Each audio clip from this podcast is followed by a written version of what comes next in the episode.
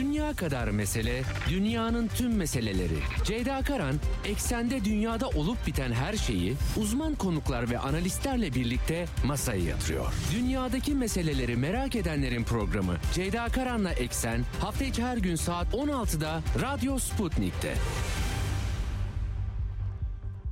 Eksenden merhabalar efendim. Bugün 2 Mart 2023 günlerden Perşembe dünyadan haberlerle karşınızdayız. Oldukça kalabalık bir yüklü bir gündem var. Dün e, Uluslararası Gazeteci Pepe Escobar'la görüşmemiz, röportajımızı yayınlamıştık. Özel e, bölüm yapmıştık Eksen'de. Pepe ile aslında ele aldığımız konuların e, devamı niteliğinde pek çok gelişme var. Bugün size aktaracağım.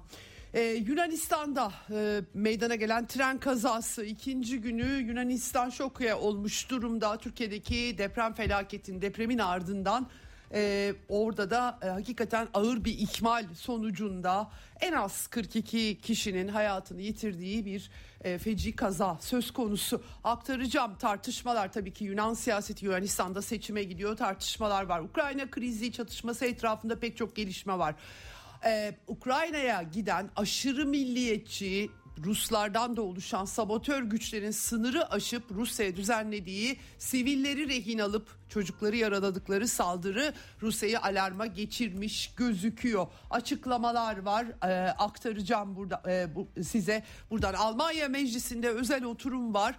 E, Scholz'un ve rakiplerinin Almanya'da hitapları var. Rusya'dan gelişmeler, Avrupa'dan gelişmeler olacak.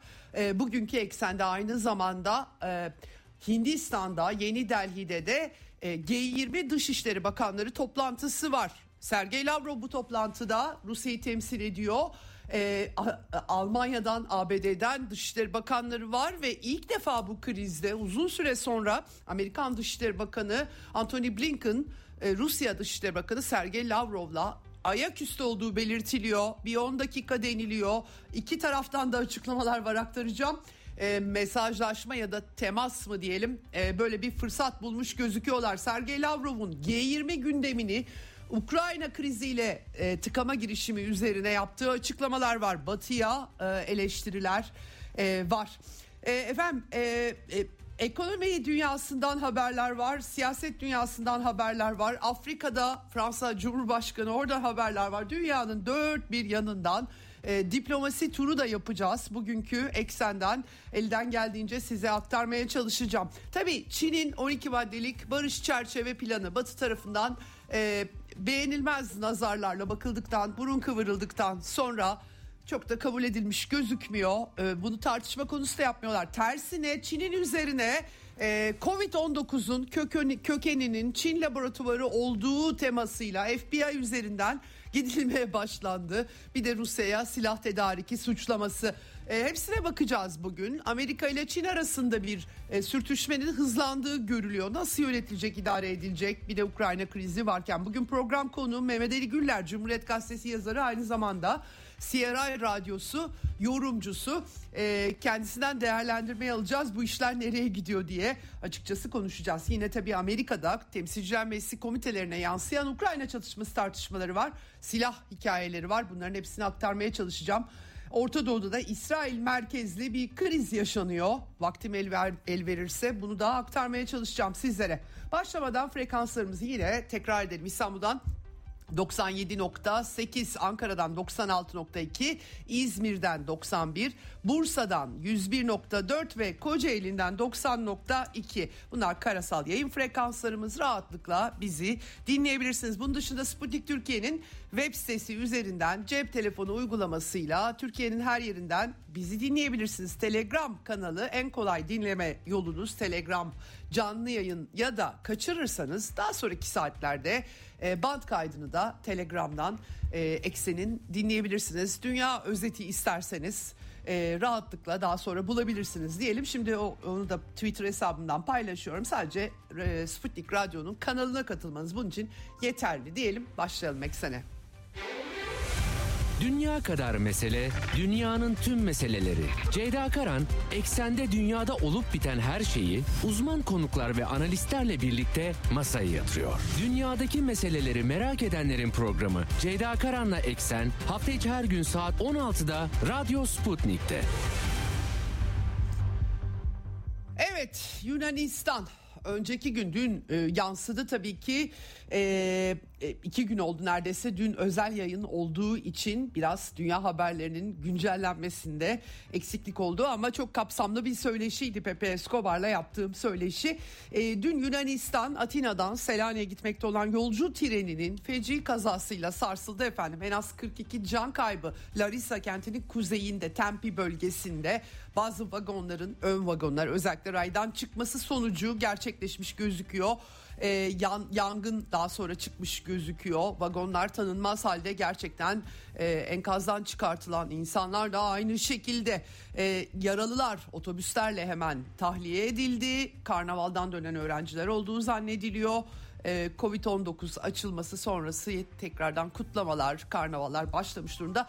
Kaza nedeni önce anlaşılamamış ama çok hızlı giden 140 kilometreden fazla gittiği belirtiliyor. Yolcu treni yük treninin şeridine geçmiş ve aynı hatta ve e, bu konuda tabii istasyon şefinin e, hata yaptığı anlaşılıyor.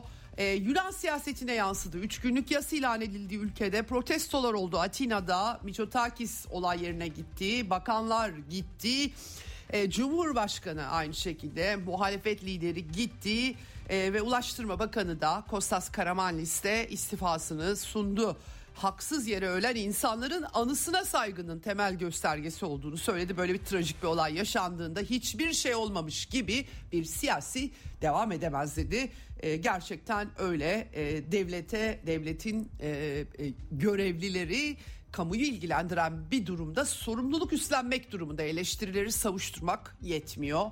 Ee, kazalar olduysa herhangi bir birimden siz sorumluysanız sizin altınızdakilerin yapmış oldukları hatalar son tahlilde böylesi büyük olaylarda sizi bağlar. Normal olan bu. Biz Türkiye'de çok alışık değiliz ama Eskiden vardı gerçekten aslında Türkiye'de de böyle bir mekanizma. Şimdilerde çok rastlayamıyoruz. Bunun adına siyasi sorumluluk diyorlar çok basit bir biçimde.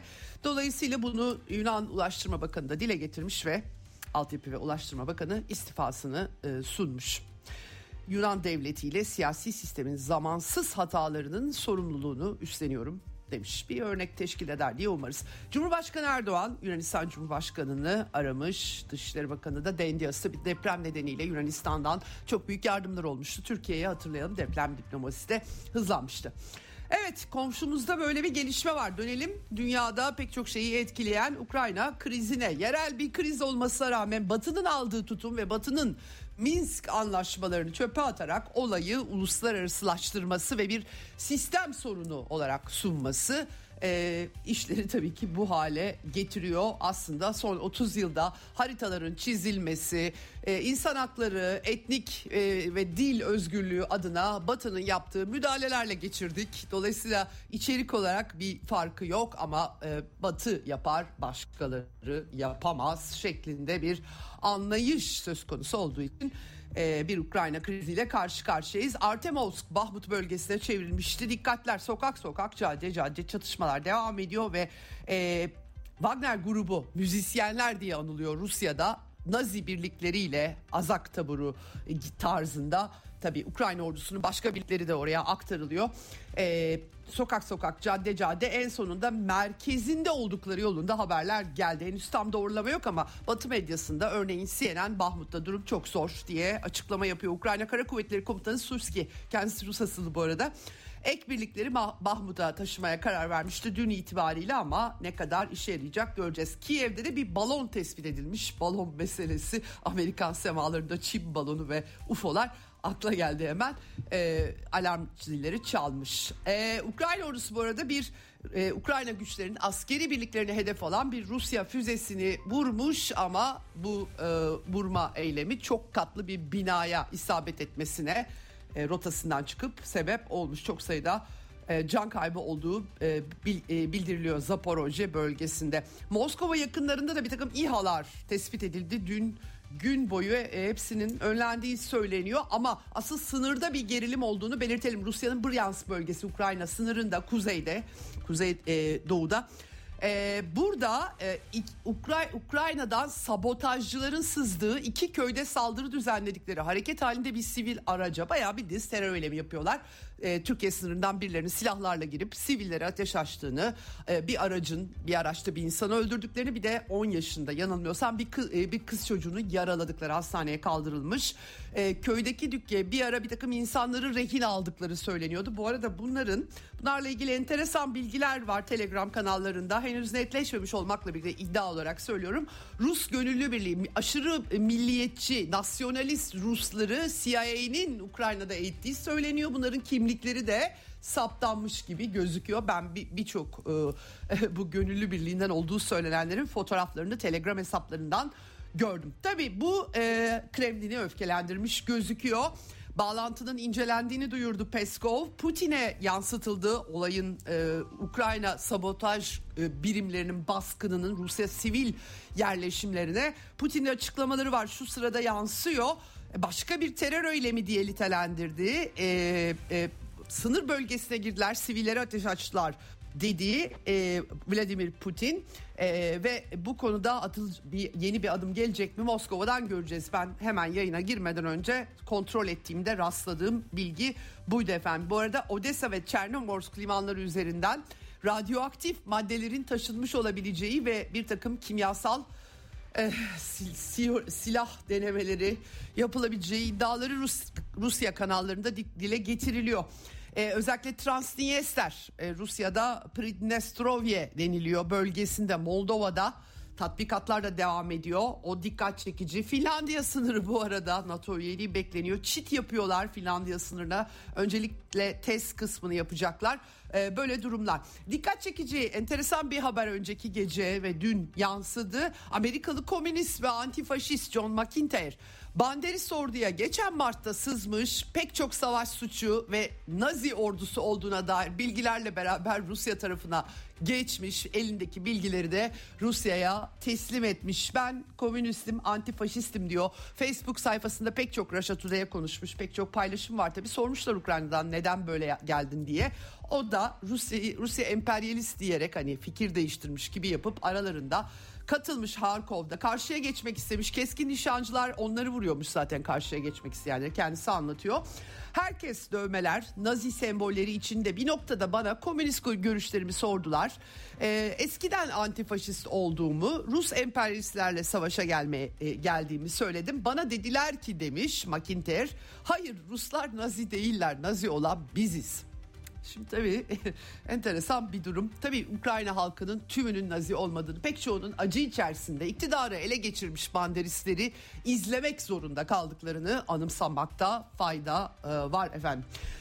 Evet Almanya'da e, tanklı provokasyon e, Almanların tank, Rus tankına çiçek bırakmasıyla ters tepmişti. Onu Hollanda'ya yanılmıyorsam e, götürmüşler. Orada da bir e, herhalde eylem tertiplenecek. Bir de Amerikan televizyon muhabiri NBC'den e, Moskova'dan trene binmiş, köprüden de geçip Kırım Köprüsü'nden Sivastopol'e gitmiş, insanlarla sokakta konuşmuş. Zaten Rusya'ya giderseniz, e, Güney Rusya'ya hakikaten e, görüyorsunuz bunları. Tabii bilmiyor Amerikalılar. Şaşırmış, aa orada Ruslar var Kırım'da nasıl olabilir gibi. E, tabii kendisini hemen bu muhabiri efendim İngiliz NBC muhabiri Keir Simmons'ı e, Ukrayna'nın Mirorod, e, sitesi ölüm listesine koymuş. Daha önce Hırvatistan Cumhurbaşkanı Milanovic, Macaristan lideri Orban, Henry Kissinger müzakereli çözüm önerdiği için ve Pink Floyd'un kurucusu Roger Waters da konulmuştu bu listeye. Ben de bu listedeyim bu arada. İdim daha doğrusu Türkiye'den. Dolayısıyla namlı bir liste bu. Ee, efendim ee, e, böyle bir e, çerçeve e, Ukrayna e, e, bağlamında. E, Rusya'da bu arada Putin e, START anlaşmasına katılımını Rusya'nın resmen e, askıya almış durumda. E, yani böyle bir çatışmada Batı doğrudan e, ve NATO üzerinden Ukrayna'ya e, silah sağlarken Rusya'nın stratejik tesislerini denetlemeleri e, yani mümkün değil e, diyor e, Rusya. Federal Meclis onaylamıştı zaten ama e, tümüyle çöpe atmadılar, askıya aldılar. Koşullar oluşunca geri dönmek için Avrupa Konseyi'ndeki anlaşmalardan da Rusya Federasyonu çekildi. E, bu konuda karar daha önce alınmıştı. Tabii karşı istihbarat istihbarat toplantısı yaptılar. Hakikaten saboto, sabotajlara bakıldığı zaman demek ki bir şeylerin olacağını anlıyorlar ve önlem almaya çalışıyorlar. Bir de tabii ki Rusya lideri Çin Devlet Başkanı Xi Jinping'i ağırlamaya hazırlanıyor. Rusya'da e, Halk Konseyi toplanacak iki toplantı diye bilinen Çin Halk Cumhuriyeti toplantıları olacak. Hemen arkasından acaba Xi Jinping gelecek mi? Kesinleşmiş bir tarih yok ama e, Moskova kendisini ağırlamaya hazırlanıyor. Hatta metro açılışı çok da güzeldir. Moskova'nın metroları şimdi yeni e, kuşak metro açılışı e, yapıldı. Metro çember hattı yapıldı. E, Moskova'da böyle çember çemberdir e, metro hakikaten. Böyle gelişmeler var. Tabii şimdi Çin birazdan konuşacağız Mehmet Ali Güler'le. Çin'in bir çerçeve 12 maddelik yol haritası yayınlanmıştı. Tüm ülkelerin egemenliklerine saygı, güvenliğin bölünmezliği, soğuk savaş zihniyeti Amerika'ya atfen Çin'in en önemli vurgusu hep burada. Ee, ve Ukrayna için ateşkes, müzakereler, işte esir takış, takasından tutalım e, anlaşmalar, barış yolunu çizen metni. Buna pek e, yanıt vermediler ama İsviçreli Cenevre'de iki sivil toplum kuruluşu arka kanal diplomasisi uyguluyormuş. Bunu İsviçre basınında e, yer alıyor iki taraflı da görüştükleri söyleniyor. Bugün tabii bu konuda Almanya ve Fransa'nın da uğraştığı iddiaları yansımıştı ama göstermelik mi? Yani Avrupalılar biz de barış için uğraşıyoruz dedikleri için mi yoksa hakikat mi çok çözemiyoruz çünkü söylemlerle uymuyor. Ee, Almanya'da yeni bir dönemin başlangıcı başlıklı bir konuşma yaptı parlamentoda federal mecliste Scholz bugün meclise seslendi yani e, ortaklarla Ukrayna için güvenlik garantilerini görüştüklerini söyledi ama e, öncelikle her, her şekilde Rusya çekilmeli START anlaşmasına geri dönmeli dedi. Rusya'yı emperyalist olmakla itham etti. Emperyalizm e, artık teorik çerçevede hiç tartışılmıyor çok acıklı hakikaten. Bir ülkenin başka bir ülkeye as- ya da iç savaşa asker göndermesini emperyalizm olarak tanımlayabiliyor Batı. Halbuki emperyalizm mali sistemle daha çok alakalı bir şey değil mi? Daha anlamlı bir ülkenin e, mali sisteminin mahkum olmasından ötürü bağımsız hareket edememesiyle alakalı bir yerlere. Küba'da Angola'ya asker göndermişti. Küba emperyalist miydi diye mesela basit bir soru sorulabilir. Bir haklı savaş diye bir terim var biliyorsunuz sol jargonda. Velhasıl neyse orayı geçelim. E, Scholz da tıpkı Stoltenberg gibi konuştu Alman Sosyal Demokrat Başbakan silah tedariki barış için silah tedariki diye formüle e, etti kendisi.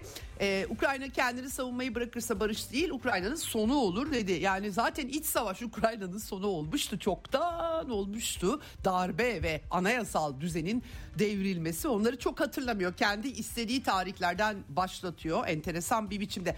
Bir yandan da NATO'nun e, çalışmanın bir tarafı haline gelmemesini yakından takip ediyoruz dedi bu işin e, dengelemesi açısından. Bu kış atlattık dedi. Gelecek kış göreceğiz ne olacak. Almanya zengin bir ülke ama e, birazdan aktaracağım. E, ekonomik açıdan hakikaten sıkıntılar var Almanya'da da. Çin'e de bir e, gözdağı e, verdi. Sakın ha e, Moskova'ya e, silah vermeyin nüfuzunuzu kullanın dedi. Yani biz Ukrayna'ya silahları boca edeceğiz ama başka hiç kimse Rusya'ya silah vermeyecek diye bir e, enteresan bir açıklama. Kuzey akım sabotajları Almanya'nın sivil altyapısı düşünün. Türkiye'de e, mesela mavi akımı e, birileri patlattı. Türkiye'de biz hiçbir şey söylemiyoruz.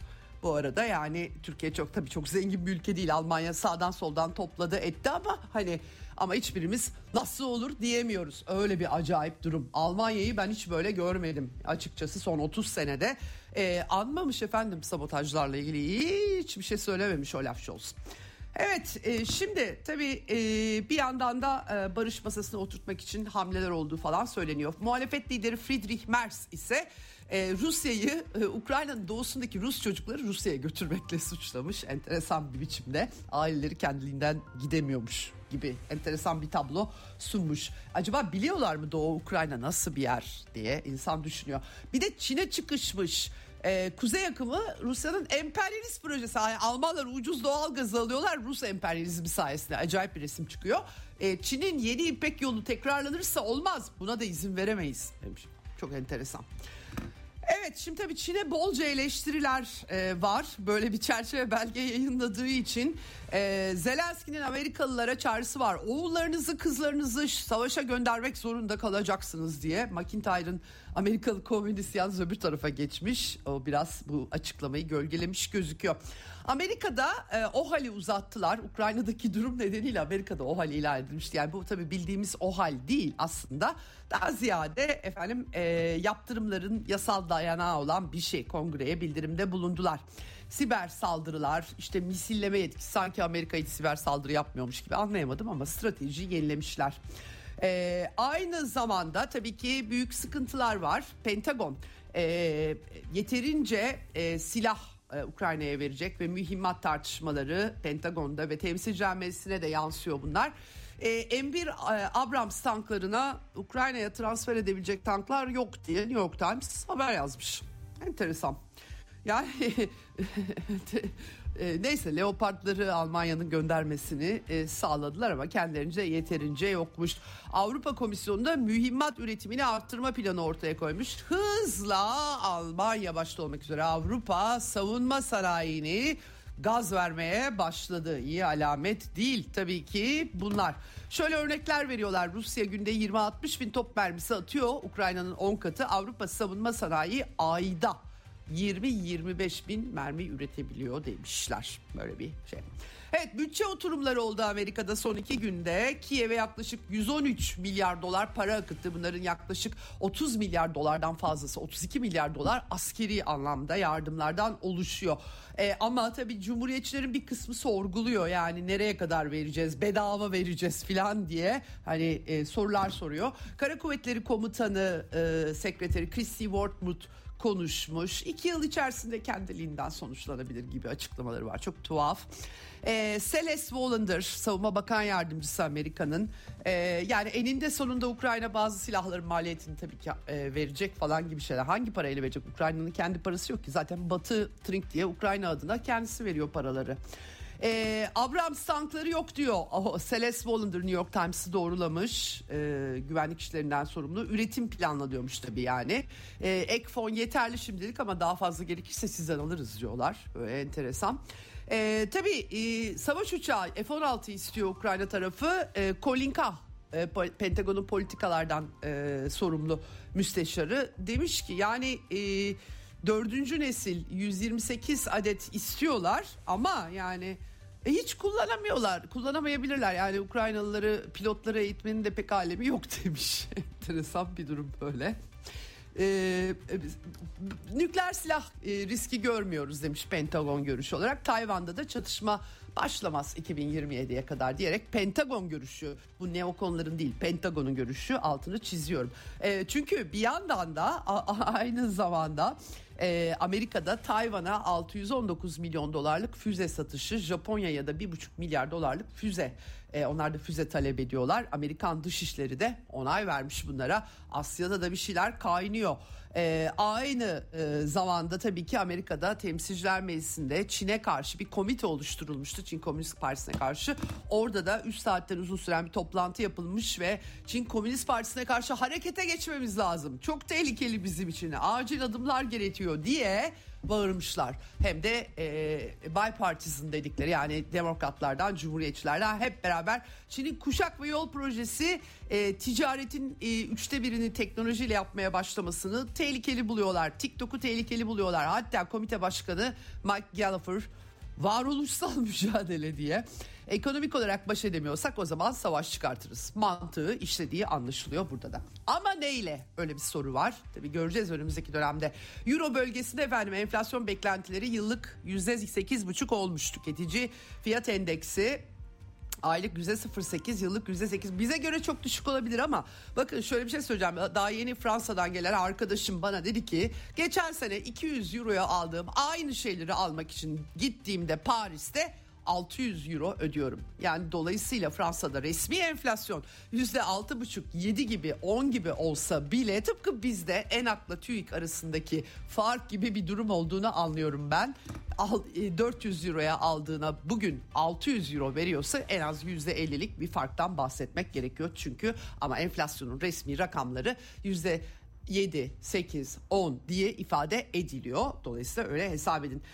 E, zaten Fransa hükümeti sözcüsü yüzde ona Mart'ta ulaşacak diye bir tekehanette bulunmuş. Fırıncılar yüksek elektrik faturaları nedeniyle Danıştay'a başvurmuşlar Fransa'da. Efendim 3 e, Mart'ta da e, aynı zamanda e, bir takım eylemler yapılacak anladığım kadarıyla. Orada da yüzde beşlik bir artış talep ediyor ve veriyorlar. Ücret artışı ama pardon o Almanya'da özür dilerim Fransa'da değil. 3 Mart'ta uyarı grevi yapacak hizmet sendikası yüzde beş oranında zam veriyorlar ama %10 talep ediyorlar enflasyonu dikkate alarak. Bizdekinden çok farkı var mı? Maalesef yok artık. Öyle bir durum var. Bu arada tabii e, Almanya'da savunma sanayi gazlanıyor. E, Alman, Alman Savunma Bakanı ordumuz ülkeyi koruyabilecek düzeyde değil demiş SPD üyeleriyle toplantıda. Boris Pistorius federal yönetim ihmal etti savunma sanayini. NATO standartlarının gerisinde kaldık. 100 milyar euro harcayacaklar ama o da yetmeyecek öyle gözüküyor. Ama ekonomik durumda e, giderek bu halde e, Rheinmetall çalışacak bolca anlaşılan. Bir de Bundesbank 1979 senesinden bu yana ilk kez zarar açıklamış efendim. E, 172 milyon euroluk geçen yılki zarar riskinin tabii karşılıklardan telafi edildiğini belirtmiş. Almanya zengin ülke ama cepten harcıyor böyle bir sıkıntısı var. Raporlarını sunmuşlar. E, çerçeve böyle. Evet e, Stoltenberg'in açıklamaları olmuştu önceki gün çatışmanın tarafı değildir NATO diye ama Rusya'yı yenmemiz lazım diye de açıklama yapıyorlar. Biraz tutarsız bir takım söylemler var. Finlandiya ve İsveç için kesin tarih hala yok. Macaristan parlamentosundan NATO'nun genişlemesini veto etme çağrısı yükseliyor. Bakalım ne yapacak Macarlar? Büyük olasılıkla onaylarlar. Türkiye'ye sonra gözler çevrilecek tabii ki. Ee, Alexander Vučić e, Sırbistan e, lideri e, Ukrayna'daki çatışmaya dahil olduklarını bana söylüyorlar dedi.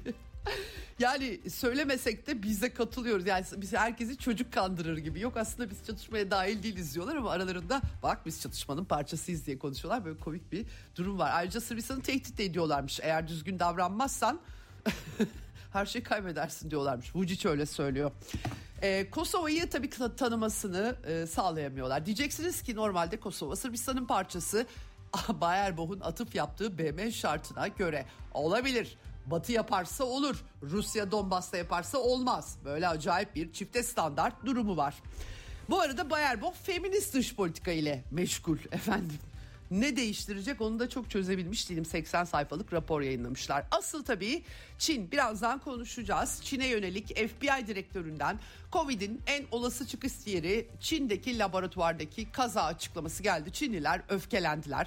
Rusya silah tedarikinden sonra bir de Covid-19 dosyası bir daha açıldı. Halbuki bunun böyle olmadığı dile getirildi. Doğru mu yanlış mı ben bilmiyorum ama açıklanan buydu. Dolayısıyla Çinliler yine asabileştiler e, karalama kampanyası diyorlar. Tam da açılma söz konusu. Çin liderliği Lukashenko'yu ağırladı. Belarus liderini işbirliğini geliştirmek için adımlar atılıyor. E, Anthony Blinken Asya turuna çıkmıştı. Kazakistan, Özbekistan, Kırgızistan ve ardından Hindistan'a gitti. G20 toplantısı için Tokayev'le görüşmesi, ilişkileri geliştirmek derken Kazakistan Bakanı da dedi ki Rusya ile ilişkilerimizi biz ittifak e, olarak e, değerlendiriyoruz. Çok taraflı yapılar içerisinde işleyen bir ittifak, çok ve vektörlü dış politikamız var dedi. Ukrayna'ya da bir silah göndermiyoruz dediler. E, diğerlerinden nasıl sonuçlar elde edildi doğrusu bilmek pek mümkün e, değil. E, Amerika'nın bu arada Nijerya'da reklam kampanyası yapmıştı. Amerikan Dışişleri Bakanı bizzat oynadı reklam kampanyasında ama Nijerya'da Amerika'yı des Amerika'nın desteklediği aday seçilememiş efendim. Bu işlerin arkasında biraz lityumun rol oynadığı düşünülüyor onu belirtelim. E, Afrika kıtasında da durum böyle. Neyse geçelim. E, Fransa Cumhurbaşkanı da Gabon'a gitti. O da Afrika çıkartmasını onu belki yarın daha detaylı aktarırım. Asıl tabii Sergey Lavrov da diplomasi turundaydı. Bakü'ye gitti. Orada Kafkasya Barışı'nı görüştü. Ee, orada e, oradan ardından hemen Hindistan'a Hindistan'a geçti. Bugünün sıcak konusu G20 toplantısı. Türkiye'deki depremzedelere saygı duruşuyla açıldı. Modi ev sahibi olarak tabii Dışişleri Bakanları toplantısı bu e, lider olarak zirveye video konferansla hitap etti ve Modi az gelişmiş ülkelerin yaşadığı krizlerin çözümü e, konusunda uzlaşma çağrısı yaptı. Derin küresel ayrılıklar yaşıyor. Bu gerilimlerin çözülmesi lazım. Çok taraflı krizde diye vurguladı. Enerji, gıda krizi, 3. dünyanın bakışını daha çok yansıttı. Küresel güneyin sesi olmaya çalışıyoruz vurgusu yaptı. E, G20 toplantısında Lavrov Çinli mevkidaşı Kin'le görüştü. Ee, özellikle de Asya Pasifik'te Şangay İşbirliği Örgütü, BRICS küresel güney, güney mekanizması bunları konuştukları anlaşılıyor. Birazdan konuyu bağladık, bağladığınız zaman haber eder misiniz arkadaşlar? Ha, peki e, hatta bağlanmış bile konuğumuz son e, özetlerimi yapayım o zaman. E, 12 maddelik e, barış planını da ele aldılar Çin'in sunduğu ama işte burada e, anlaşılan o ki Almanya Dışişleri Bakanı Çin Dışişleri Bakanı ile görüşmüş ve BM barış şartını hatırlatmış. Kendisi, kendilerinin 30 yıldır hiç uymadıkları ve şimdi hatırladıkları BM barış şartını anlatmış. E, ve Çin'in e, sakın ha e, Rusya'ya yardım etmeyin demiş. Asıl sürpriz Sergey Lavrov'la Antony Blinken'ın teması diyeceğim. Bir 10 dakika diyenler var ama o kadar sürdü mü emin değilim. Yürürken olduğu söyleniyor. Rus Dışişleri Bakanlığı e, Blinken'ın Lavrov ile temas kurmak istediğini söyledi. İkinci oturum sırasında olmuş bu açıklamalarına göre. E, ilk operasyondan sonra Ukrayna operasyonundan sonra ilk temas bu ve Amerikalı yetkililer de tabii basına fısıldamışlar. Ultimatom adeta çekmiş onu anlıyorum çünkü işte e, Ukrayna'yı destekleyeceğiz. Start'a geri dönün. Efendim e, aynı zamanda Paul Whelan var e, Amerikalı ajan. Onu da bırakın. Resti çekmiş gibi gözüküyor. Bunun detayları muhtemelen yarın gelecek ama Sergey Lavrov şimdilik açıklama yaptı bu G20 vesilesiyle. Batı demokrasisi itaat edin ya da cezalandırılın diye formüle etti. Ekonomi politikadaki başarısızlığı Rusya'nın üstüne yüklemeye çalışıyorlar. Küresel Güney ve Hindistan dönem başkanından özür diliyorum. Batılı heyetler bu işi sulandırmaya çalıştı diye bir açıklama yaptı. Evet böyle bir çerçeve var. Ee, şimdi konuma dönmek istiyorum. Mehmet Ali Güller Cumhuriyet Gazetesi yazarı, CRI Radyosu yorumcusu. Hoş geldiniz e, Mehmet Ali. Hoş bulduk. İyi yayınlar diliyorum. Çok teşekkürler. Biraz da beklettim sizi kusura bakmayın. Ee, şimdi o kadar yüklü ki keyifle, dünya gündemi. Keyifle gündemini e, özetlemenizi dinledim. Oldukça yoğun gündem var. E, siz evet. gayet evet. özlü bir şekilde e, bizlere ulaştırmış oldunuz. Bu özet. Teşekkür ederiz. Ben teşekkür ederim. Ben teşekkür ederim. Şimdi e, hakikaten e, böyle e, dünyanın gidişatını okumaya çalışınca çok sarsıcı bir tablo çıkıyor. Yani açıklamalar, tutarsızlıklar, ne yapıldığı vesaire. Tabii Ukrayna çatışması bugüne kadar son 30 yıldır belki Batı'nın tek taraflı hamleleri. Şimdi birdenbire e, kendileri uluslararası hukuk egemenlik haklarına alanına çekilerek e, bir e, şey geliştiriyorlar. Fakat bu da küresel dünyada tutmuyor gibi. Şimdi Çin ve Rusya, e, Çin'in tabii 12 maddelik barış planı demiştik konuşurken size. Bir çerçeve e, aslında bu e, somut bir barış planı değil elbette ama e, belki küresel sisteme dair e, saptamalar diyelim e, ve gidişatın kötü olduğu ve geri dönmek için bir çerçeve belki. E, e, bu e, bu toplantı sonrası daha da çok şey tartışılacak belki ama Batı da kabul etmiş gözükmüyor. Neden böyle yapıyorlar? E, bu bir yandan da Amerika'nın Çin'e yönelik saldırgan retoriği arttırmasına sebebiyet veriyor. Bir hegemonya e, kapışması var gibi ve sonu da gözükmüyor. E, siz nasıl görüyorsunuz bu resmi? E, bütün buralardan yansıyanları ve Çin'in hamlelerini, yanıt verilen yanıtları. Şimdi tabii Çin'in 12 maddelik e, planı, barış planı e, sizin de söylediğiniz gibi böyle batıda çok e, ses getirmeyen, kabul görmeyen, küçümsenen bir yaklaşımla e, karşılandı ama bu işin görüntüsü. Hı hı. Tersine Batı'nın oldukça ürktüğü bir e, plan bu. Hı. Hı. Sadece içeriği nedeniyle değil. Zaten e, o 12 madde bir temel prensipler manzumesi. Fakat e, içeriğinden ziyade Çin'in inisiyatif alarak bu meselede öne çıkması e, esas Batı e, kampını ürkütüyor. Yani Çin'in devreye giriyor olması Batı kampını e, ürkütüyor. Zaten e, kanaatimce bu e, durumu en iyi özetleyen de bana göre bugünün de haberi olacak konu e, Anthony Blinken'in Amerikan Dışişleri Bakanı'nın bugün yaptığı açıklama G20'de. Aynen hı hı. şöyle dedi. Çin'in planı olumlu unsurlar içeriyor ama Kiev'i desteklemediği için içi boş dedi. Özeti bu. Plan olumlu unsurlar içeriyor ama Kiev'i desteklemiyor. O yüzden bizim için diyor içi boş. Bu her şeyi özetliyor. Yani bu e, 12 maddeden olabildiğince ürküyorlar.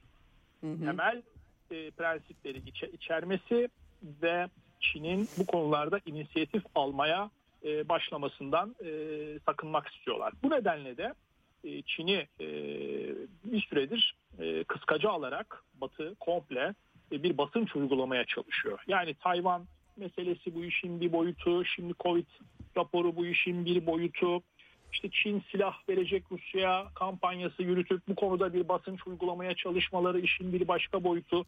Bunların tamamıyla diplomatik bir basınç uygulayarak Çin'in e, Rusya-Ukrayna meselesinde devreye girmesini, liderlik etmesini, inisiyatif almasını, Güney'in, hı hı. Doğu'nun e, bir e, bu konudaki sözcüsü olarak sahaya inmesinden oldukça çekiniyorlar. Maddelere hı hı. gelirsek, bakın bu maddeleri yani teker teker zaten zamanımız yok ama Evet. Çok önemli bir ikinci maddesi var. Bu ikinci madde 12 maddelik öneri planının içerisindeki bu ikinci madde aslında meselenin özünü de çözümünü de içeren bir madde.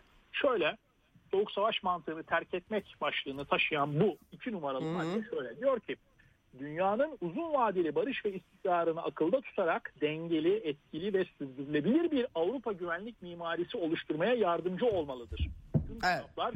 başkalarının güvenliği pahasına kendi güvenliğinin sağlanmasına karşı çıkmalı, blok çatışmasını önlemeli ve Avrasya kıtasında barış ve istikrar için birlikte çalışmalıdır. Şimdi bu işin özü.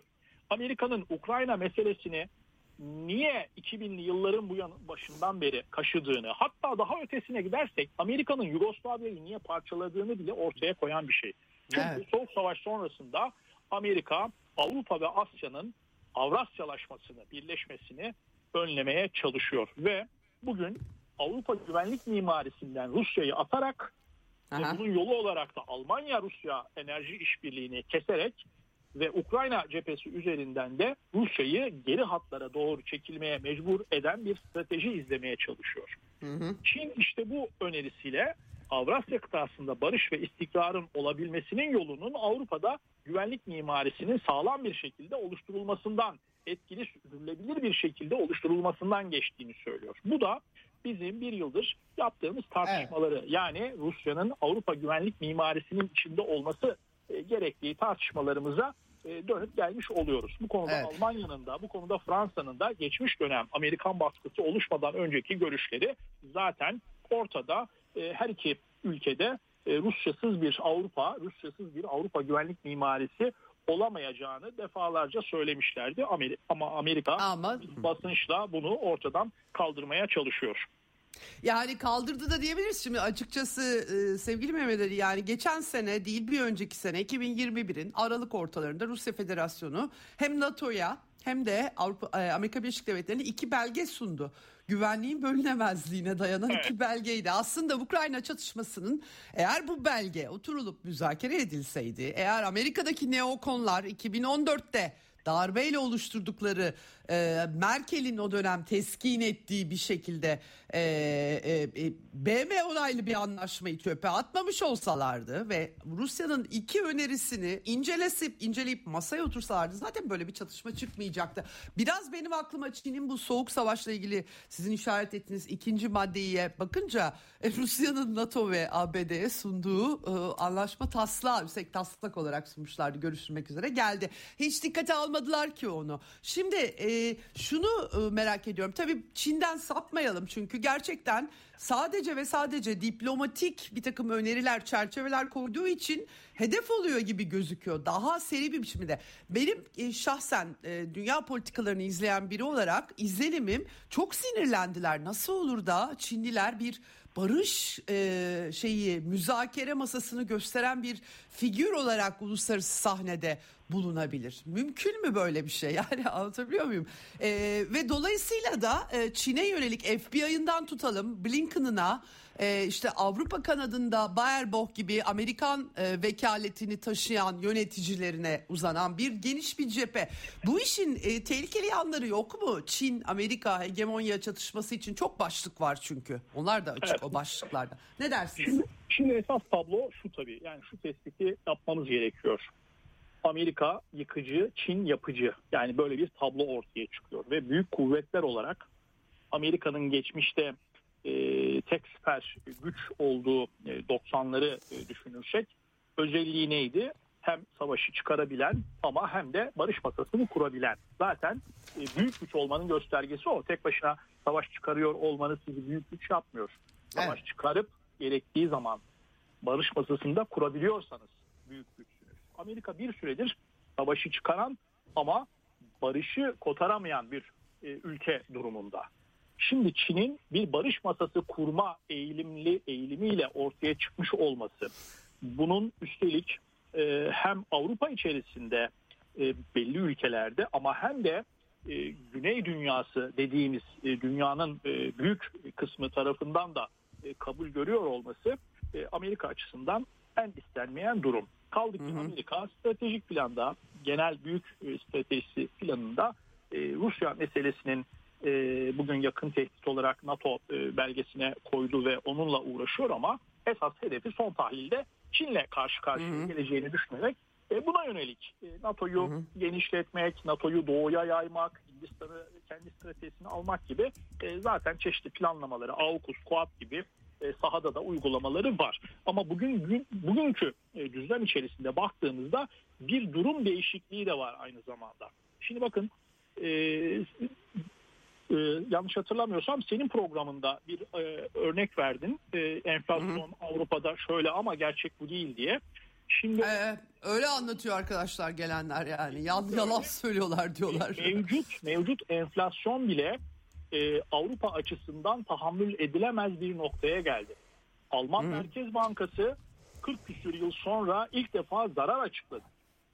Evet. Alman ekonomisinin büyük devleri zarar açıklamaya başladı. Almanya'nın 100 milyar avroyu şimdiden buldu bu kriz nedeniyle e, yaşadığı ekonomik kayıplar. Benzerleri Fransa için, benzerleri diğer ülkeler için de var. Ve gittikçe e, bu ülkeler içerisinde e, barış masası kurulması gerektiği yönünde bir kamuoyu da e, yavaş yavaş ortaya çıkmaya başlıyor.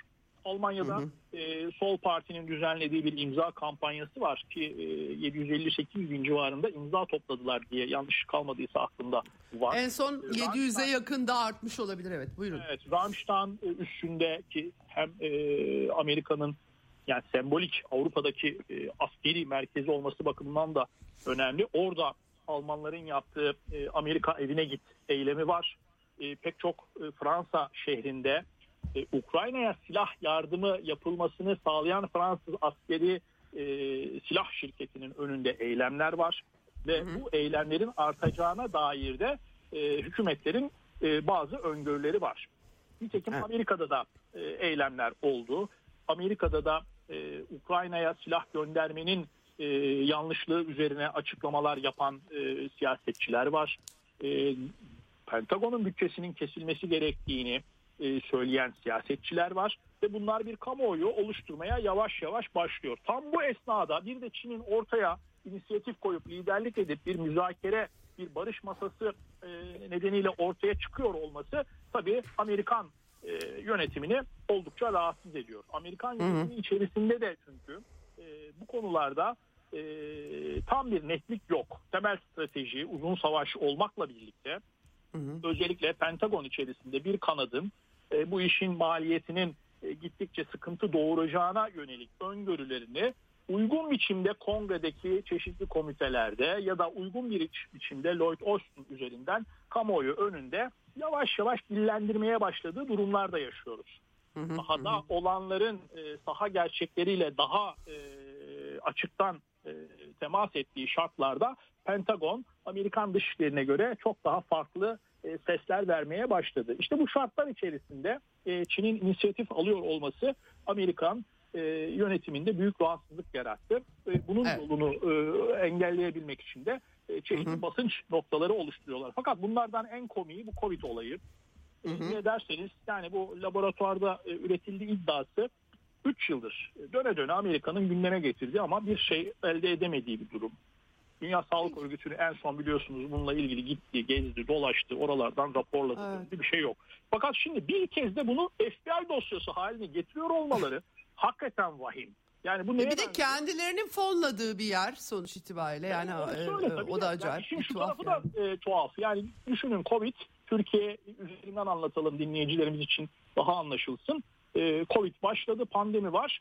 Biz bir bilim kurulu kurmak yerine Sağlık Bakanlığı bünyesinde Hakan Fidan'ın başkanlığında 3-4 kişilik bir istihbarat evet. ekibi oluşturuyoruz mesela. Onun gibi bir durum. Yani böyle abes evet. bir şey olabilir mi? Covid evet. meselesi bilimin konusudur. İstihbaratın konusu değil. Yani değil, evet. bile bu işlere sürüyor olmaları bu işi evet. siyasallaştırmak e, istediklerinin e, göstergesi. Gösterge. Çünkü zaten Amerikan bilim adamları da bir bilim ahlakıyla hareket etmek zorunda olduğu için çoğu evet. Amerika'nın bu yöndeki bir kanıt bulun e, çabalarına 3 yıldır destek vermediler. Çünkü öyle bir şey yok. Tersine evet. bazı yeni kanıtlar e, Covid-19'un e, Çin'de görülmeden önce, aylar önce İtalya'da görüldüğüne dair evet. kanıtlar var. Fakat evet. burada hani bu orada mı ilk görüldü, şurada mı ilk görüldü? bütün meseleyi bu tartışmaya e, çevirmek isteyen Amerika esas olarak Covid ile küresel mücadele noktasında e, Çin gibi e, büyük ülkelerle işbirliği yapmaktan kaçınarak bunun dünyaya faturasını daha da ağırlaştırdılar. Esas bir de evet. e, böyle bir yanı var. Hemen hemen çok e, vaktim azaldı çünkü bir iki dakikam kaldı. E, bir de Sergey Lavrov'un bugün G20 toplantısında özellikle küresel güneyden özür diledi. Çünkü e, Afrika kıtası, gıda krizi, enerji yani Batı'nın e, uluslararasılaştırarak patlattığı tabii Ukrayna'da ayrıca krize Batı'nın sebep olduğunu Rusya düşünüyor. Ama aynı zamanda bu tavırla bütün e, gelişmekte olan ülkelerin fatura ödediklerine işaret ediyor. Bugün özür diledi batılı heyetler adına Sergey Lavrov. Ee, ve e, özellikle de e, Rusya başta olmak üzere bu krizin yükünü küresel güneye yıktıklarını söyledi. Bu tespite ne dersiniz? Ee, Blinken'la e, görüşmesindeki gerilimin üstüne bir de açıkça Batı adına küresel güneyden özür dileyen bir Lavrov gördük çünkü. E, tabii Lavrov e, diplomasinin kurduğu hani Blinken'ler, William Burns'ler e, hakikaten e, Rus deneyimiyle e, böyle baş edecek e, çapta e, isimler değiller. Zaten Blinken'in bugün aktardığım o açıklamasında da görüldüğü gibi yani planda olumlu şeyler var ama Kiev'i desteklemiyor. Yani bu e, söylenecek laf değil ama söylüyorlar.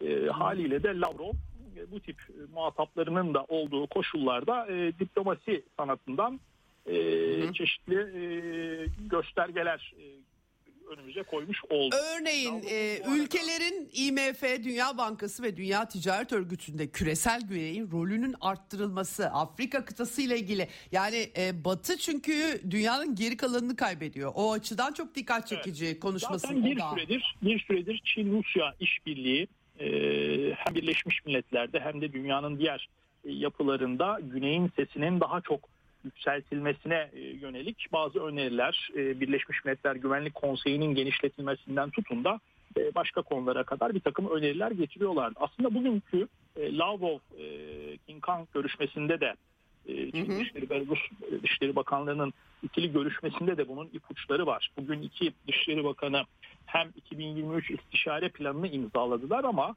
e, hem işte bu az önce çok özetçe geçtiğimiz Ukrayna'da Çin'in önerdiği 12 maddelik barış planını konuşup temel şu noktaya geldiler. İki ülkenin e, Birleşmiş Milletler e, başta olmak üzere uzak Asya Pasifik Ekonomik İşbirliği örgütlerine kadar değişik formatlarda, değişik örgütlerde dış politikada koordinasyonu e, geliştirme e, kararı da almış oldular. Yani buralarda daha ikili e, işbirliği yapacaklarının işaretini vermiş oldular. İşte Amerika'yı esas endişelendiren bu. 2019 Amerikan Kongresi'nde bir istihbarat oturumunda tam da bugünleri ifade etmişti. İstihbaratın başındaki isim Çin ve e, Rusya'nın işbirliğinin Amerika açısından en istenmeyen durum olduğunu ve bunun adım adım olmakta olduğunu söylemiştik 2019'da. Geldik 2023'e ve öyle oldu. Hatırla geçen yıl e, Xi Jinping-Putin anlaşmasını Stalin-Mao anlaşmasından daha sağlam diyerek Amerika tedirginlikle yorumlamıştı. E, Çin ve Rusya'nın işbirliğinin Amerika'nın istediği dünya düzenini e, sürdüremeyeceğinin e, bir garantisi evet. olduğu e, artık ortada ve çok evet. tutkulu bu iki işbirliğinin e, hızlandırdığı, evet. imelendirdiği de ortada.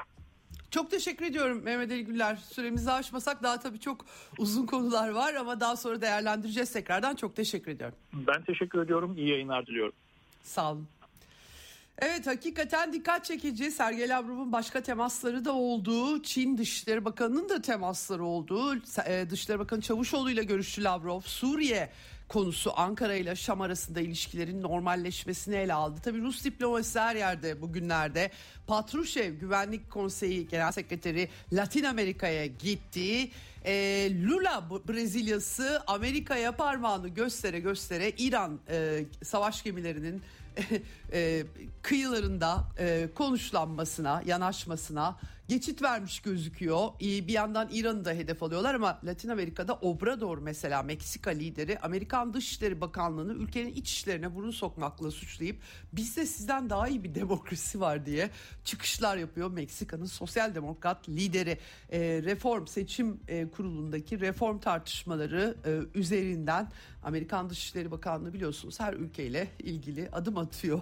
E, İsrail Dışişleri Bakanı da bu arada e, Rusya'nın Ukrayna'daki eylemlerini e, kınadı ama böyle biraz yarım ağızlı hani bizim ülkemizin de yerini gözetmemiz lazım diyerek Rusya'dan da İsrail'e yönelik çok sert açıklamalar geldi. Suriye'nin e, e, sınırlarını ihlal edip hem de en son depremden sonra sivil alanları İsrail'in bombaladığını söyledi Rusya Dışişleri ve e, bir kınama e, yayınladı. Zaten İsrail'de Netanyahu yönetiminin başı ciddi ciddi dertte sivil itaatsizlik yargı reformuna bu konulara da bakacağız. Mutlaka gerçekten önemli gelişmeler ortada ama süremi açtım efendim. Yarın görüşmek üzere. Hoşçakalın. Ceyda Karan'la Eksen sona erdi. Dünya kadar mesele, dünyanın tüm meseleleri. Ceyda Karan, eksende dünyada olup biten her şeyi uzman konuklar ve analistlerle birlikte masaya yatırıyor. Dünyadaki meseleleri merak edenlerin programı Ceyda Karan'la Eksen hafta içi her gün saat 16'da Radyo Sputnik'te.